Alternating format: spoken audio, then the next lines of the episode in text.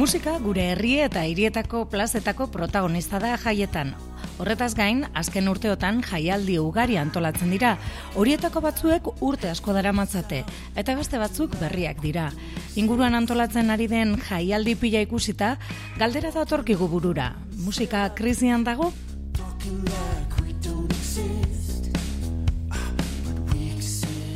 Inoiz baino festival gehiago izango da Euskal Herrian ekainatik aurrera. Bizkaian sortu berri diren bi jaialdi gehitu behar zaio zerrenda luzeari, Sondika Lions Music eta Mundaka Festivala. Badirudi azken urteotan zerbitzua nagusitu zaiola produktuari eta zuzeneko emanaldiak lehenesten direla. Baina zer dute berezi musika jaialdiek? Bueno, aukera da, aukera daukazu talde batzuk ikusteko, gustoko dituzun batzuk, eta horiek animatzen zaituzte beste batzuk ikustera. Bai? Normalean badago izen bat agian deitzen, atentzia deitzen dizuna, hori ikusi nahi duzu, eta gero bide batez beste batzuk ikusten dituzu, eta horietaz investigatu, eta gustatu ere. Ba gero eta gutxiago gustatzen ezkin festivalak. Gio eta talde gehiago jartzen dituzte, ordutegi berean, eta ez dago ez taldeak ikusi ez disfrutatzerik. Eta zer esanik ez, e, dariek erajanari daukaten presiataz. Lapurre eta gutxar, orduan eta gutxiago gustatzen zaizkit. Berez musika gaitik eta gero esperientzia, ba, bai, ez dakit motako esperientzia, baina, bai, zaitzik ez. Bilboko kaleetan jasotako hautzak entzun berri ditugu. BBK Live jaialdiaren atarian, amaikagarren edizioa zizen atzokoan. Musikarien iritziak ere jaso nahi izan ditugu. Baionako begizpegi taldeak ireki zuen jaialdi erraldoia. Lehen aldiz, horrelako festival batean parte hartzen zutela. Zabi etzeberrik azaldu digu. Suarta honi bat da, guretzako, ba, ia izgu inoiz horrelako ekitaldi handi batean, eta, bo, emozioz beterik etorriko gira bai. Taldean batzu musikaz beste taldeekin edo musikaz bizitzen gira eta askotan uda, uda asiera horretan badauzkagu badauzkagu aktuazioak eh, mm ezkerta eskuinta egia musikariek batzutan ez, dauk, ez daukagu parada uh, festival handi horietarat uh, jutea, juteko entzuteko talde potoloak. Baiatuko gira, zeren eta hor ga, gau aldi horretan, badira beste talde batzu, Arcade Fire edo New Order, order talde bezalakoak, eta baiatuko gira, bai egoiteko bukaera arte.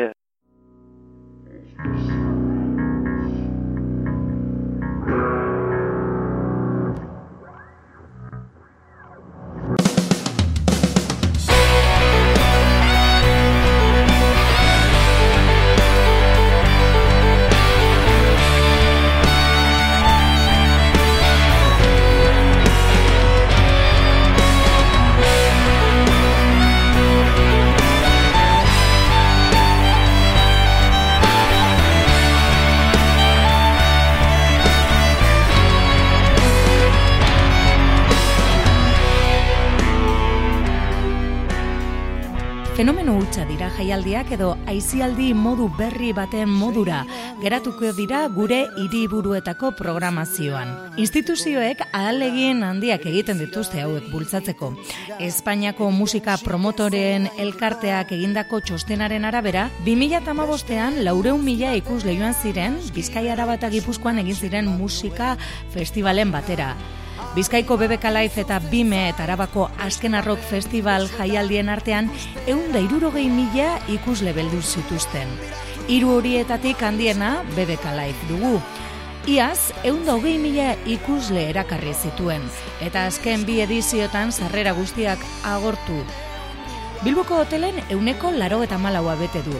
Datuen arabera guztira hogei milioi euroko eragin ekonomikoa izan du ez da hauntzaren gabordiko estula, eta are gehiago musikazari bagara. Musika eta turismoa noski.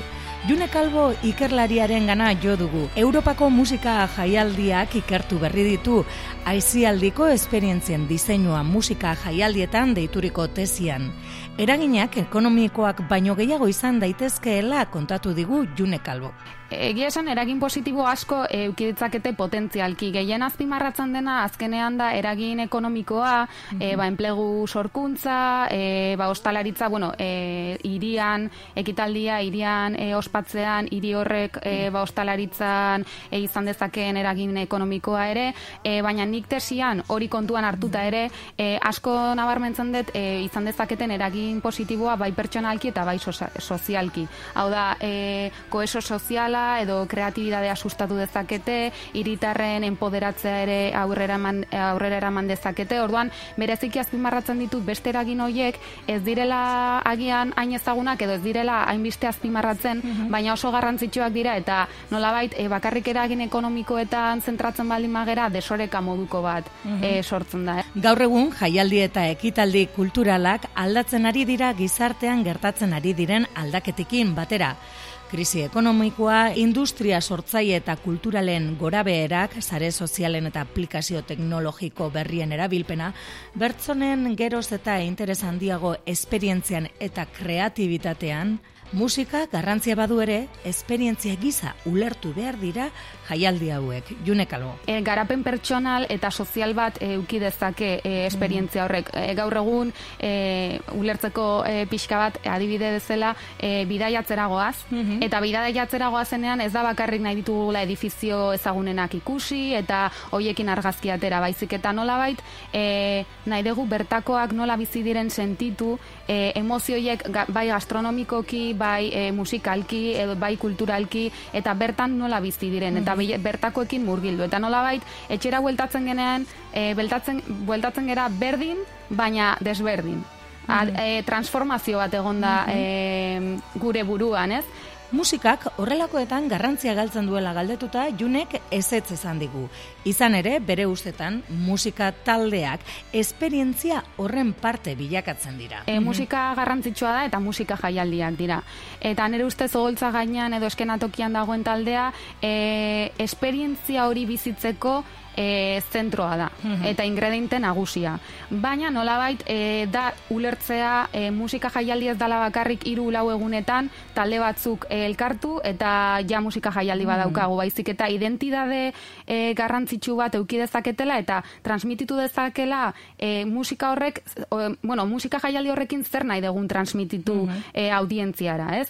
Eta orduan adibidez ez e, Glastonburyko zuzendariarekin hitz egiten e, berak esaten zian, ez? Guk sortu ginen e, maitasuna eta pakea eta bizitza ospatzeko modu ez dela. Eta nire ustez, e, beraien arrakasta parte hori, e, horregatik da ez, beraiek identitate oso e, garrantzitsu bat dute, eta gero taldeak, e, hau da, tiketak saltzen dira, e, adibidez, e, taldeak jakin baino asko zelenago, e, baina nolabait, audientzia horrek konfiantza du, e, Etorriko danarekin. Bai, nolabait daukate konfiantza bere programatzaileekin eta nolabait e, esperientzia biziko dutela eta gaina ez bakarrik talde ezagunenak mhm. erakartzen dituztela, baizik eta e, talde berriak e, ikusiko dituztela eta hasiko direla jarraitzen talde berriei, ez?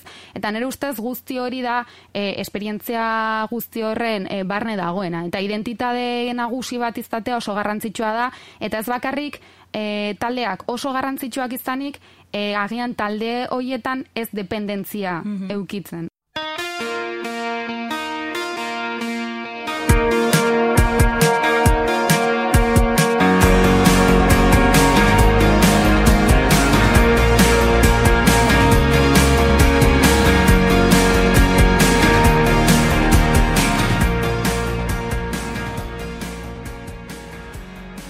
Bada ezberdintasunek, kontzertu batetik musika jaialdi batera.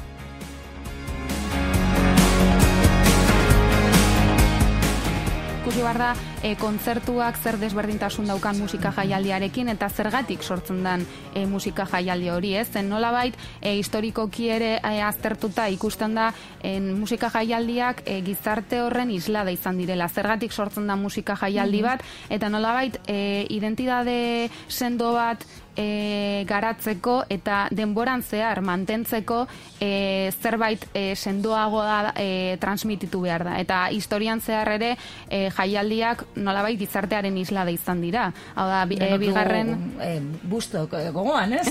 hori da, hori da, hori da. Orduan, e, eta Glastonbury eta bai, eta baina gustok izan zen nolabait e, musika modernoan azteko e, hasiera bat, ez? Bai. Eta orduan, kontzentrazio hori, e, jendearen kontzentrazio hori oso garrantzitsua izan zen eta musika zen e, bide nagusia. Mm Osea, musika ezin dugu gaztu e, eta da ingrediente nagusia, baina nola e, talde hoiek ere, taldea hoiek etortzerakoan nola eman oberena e, bertan ondagoen audientzia nolabait e, esperientzia gogangarri eta esangurantxu bat izateko, ez? Eta e, ez bakarrik taldeak entzutera joatea baizik eta talde hoien inguratzen duen guztia e, gogangarria izatea.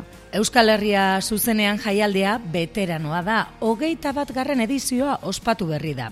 Diru kopuru txikiagoak izan ditu eskuartean Euskal Herria zuzenean jaialdiak, baina paparrean domina jardezake, udako jaialdi beteranoena da. Eta bestelako antolaketa, helburu eta identidadea du EHZ-ak. Zorgin zelai gure asma lelopean burutu da lekornen, hausolanean mikrogizarte bat antolatuz. E, jaz, e, ospatu ginuen hogei garen e, urte, urtea eta ez urte mugaz, eta ez da bateri mugabat izan da e, izan guretzat, eta urten behiro e, segitzen dugu programazio anitz bat, anitza batekin, eta buru diabetzaren gaia askizabalazera, eta untsai representatzen duela e, gurea, gure festivala, zeren e, bai alde sozial batetik edo edo Euskal Egiaren buru jabetzaren haritik, pentsatzen ginoen, ba, buru jabetzak untsa definitzen ginoela, zenta, gintuela, zenta guk eh, antolatzen ditugun eh, altereak, antolatzen dugun mikrogizarte hori edo diendarte hori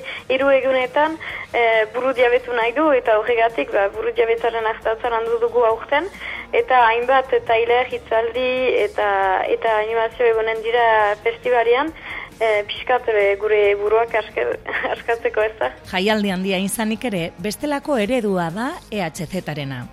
Inguruko herriekin elkarlanean aritzea da, baita Euskal Herriko laborantza ganbararekin ere bai, jaialdiko elikagaiei erraparatuta. Birziklapena sustatuz eta droga kontsumen ingurunko prebentzioa landuz jaialdian. Baina guztiak izaten dituzte arazo ekonomikoak. Asko, hasi eta urte gutxira desagertu egiten baitira. E, lehenengo mozten dana da kultura, eta kultura horren barruan e, estruktura finkoa ez duten e, bueno, organizazioak asko zide dira desagertzen, eta ez, ba, iguala programazio e, egonkor bat duten aretoak e, mm. baino ez. Orduan, oso, oso zaila zaie e, musika jaialdiei nolabait e, baliabide ekonomikoak lortzen. Mm E, baina gero nik ere nabarmenduko nuke audientziarekin konexio hori izatea e, zailtasun handia dela beraientzat ere. Azkenean ez egon kartasun horrek edo bueno, e, gaur egun e, dirudi ba, e, sare sozialekin erresagoa izango litzateke mm urteroko e, konexio hori ukitzea audientziarekin, baina ere e, zailtasunak daude. Azkenean konfiantza hori lortzea edo leialtasun hori e, publiko aldetik ba zaila da urte osoan e, ukitzea. Orduan, bai, eta identitate e, sendo bat eta sakon bat izan bar dute hori lortzeko. Eta nire ustez, e, zailtasun hau askoz garrantzitsuagoa da e, ekonomikoa baino. Baina gurean ditugun jaialdiak Europakoekin alderatuta ezberdinak dira? Dena e, musika jaialdiak e, Europako zonalde desberdinetan e, desberdintzen e, bai nolabait Europa hegoaldea eta ekialdea oraindikan e, oso zentratuak daude baliabide ekonomikoak lortzen e, programazioan ez talde datosten espazioan eta bar eta pixkat e, alde batera uzten dituzte e, bueno, esperientziarekin lotutako e, beste hainbat aspektu ba, leno komentatutakoa emozioak, nahiak, motivazioak eta musika jaialdia e, esperientzia aldizko esperientzia bezala ulertzen e, e, gogangarritasun hori eta esanguratu, e, esanguratsua e, izanik. E, ordan bai ikusten da bueno ba e, pauso bat aurrera doaztela agian Europa uh mendebalde eta iparraldeko herrialdeak alde horretatik. Ikerlari donostiarrak jaialdi hauek kudeatzen dituzten pertsonak aztertu ditu. Hau da, programatzaileak, sektorean dagoen egoera berriari aurre egiteko, industria geroz eta gehiago profesionalizatzeko eta oro berri honetan balio gehigarri bat eskaintzeko profesional profil berri bat garatzeko beharra ikusten du. E, baina ondorio nagusietako bat da, e, bera, zuzanariak bereziki ikusten da hartzen dituztela kontuan aspektu tangibleak, E, hau da, baliabide ekonomikoak, programazioa, espazioa eta bar, baina e, aspektu intangibileak pixka talde batera uzten dituzte. Hau da, nahiak, beharrak, motivazioak, emozioak, e, pixkat uzten dituzte alde batera. Eta orduan desoreka moduko bat sortzen da. Eta proposatzen duena nolabait, etesiak da, e, profil pragmatiko batetik e, zuzendari esperientzial batera pasatzea. Eta nolabait, e, ez bakarrik kontuan hartzea, e, musika jaialdi zuzendari bat izatea edo musika jaialdi zuzendari izatetik e, esperientzien sortzaile edo diseinatzaile izatera pasatzea. Eta nolabait musika jaialdi ulertzea e, ez esperientzia e, sormen gisa.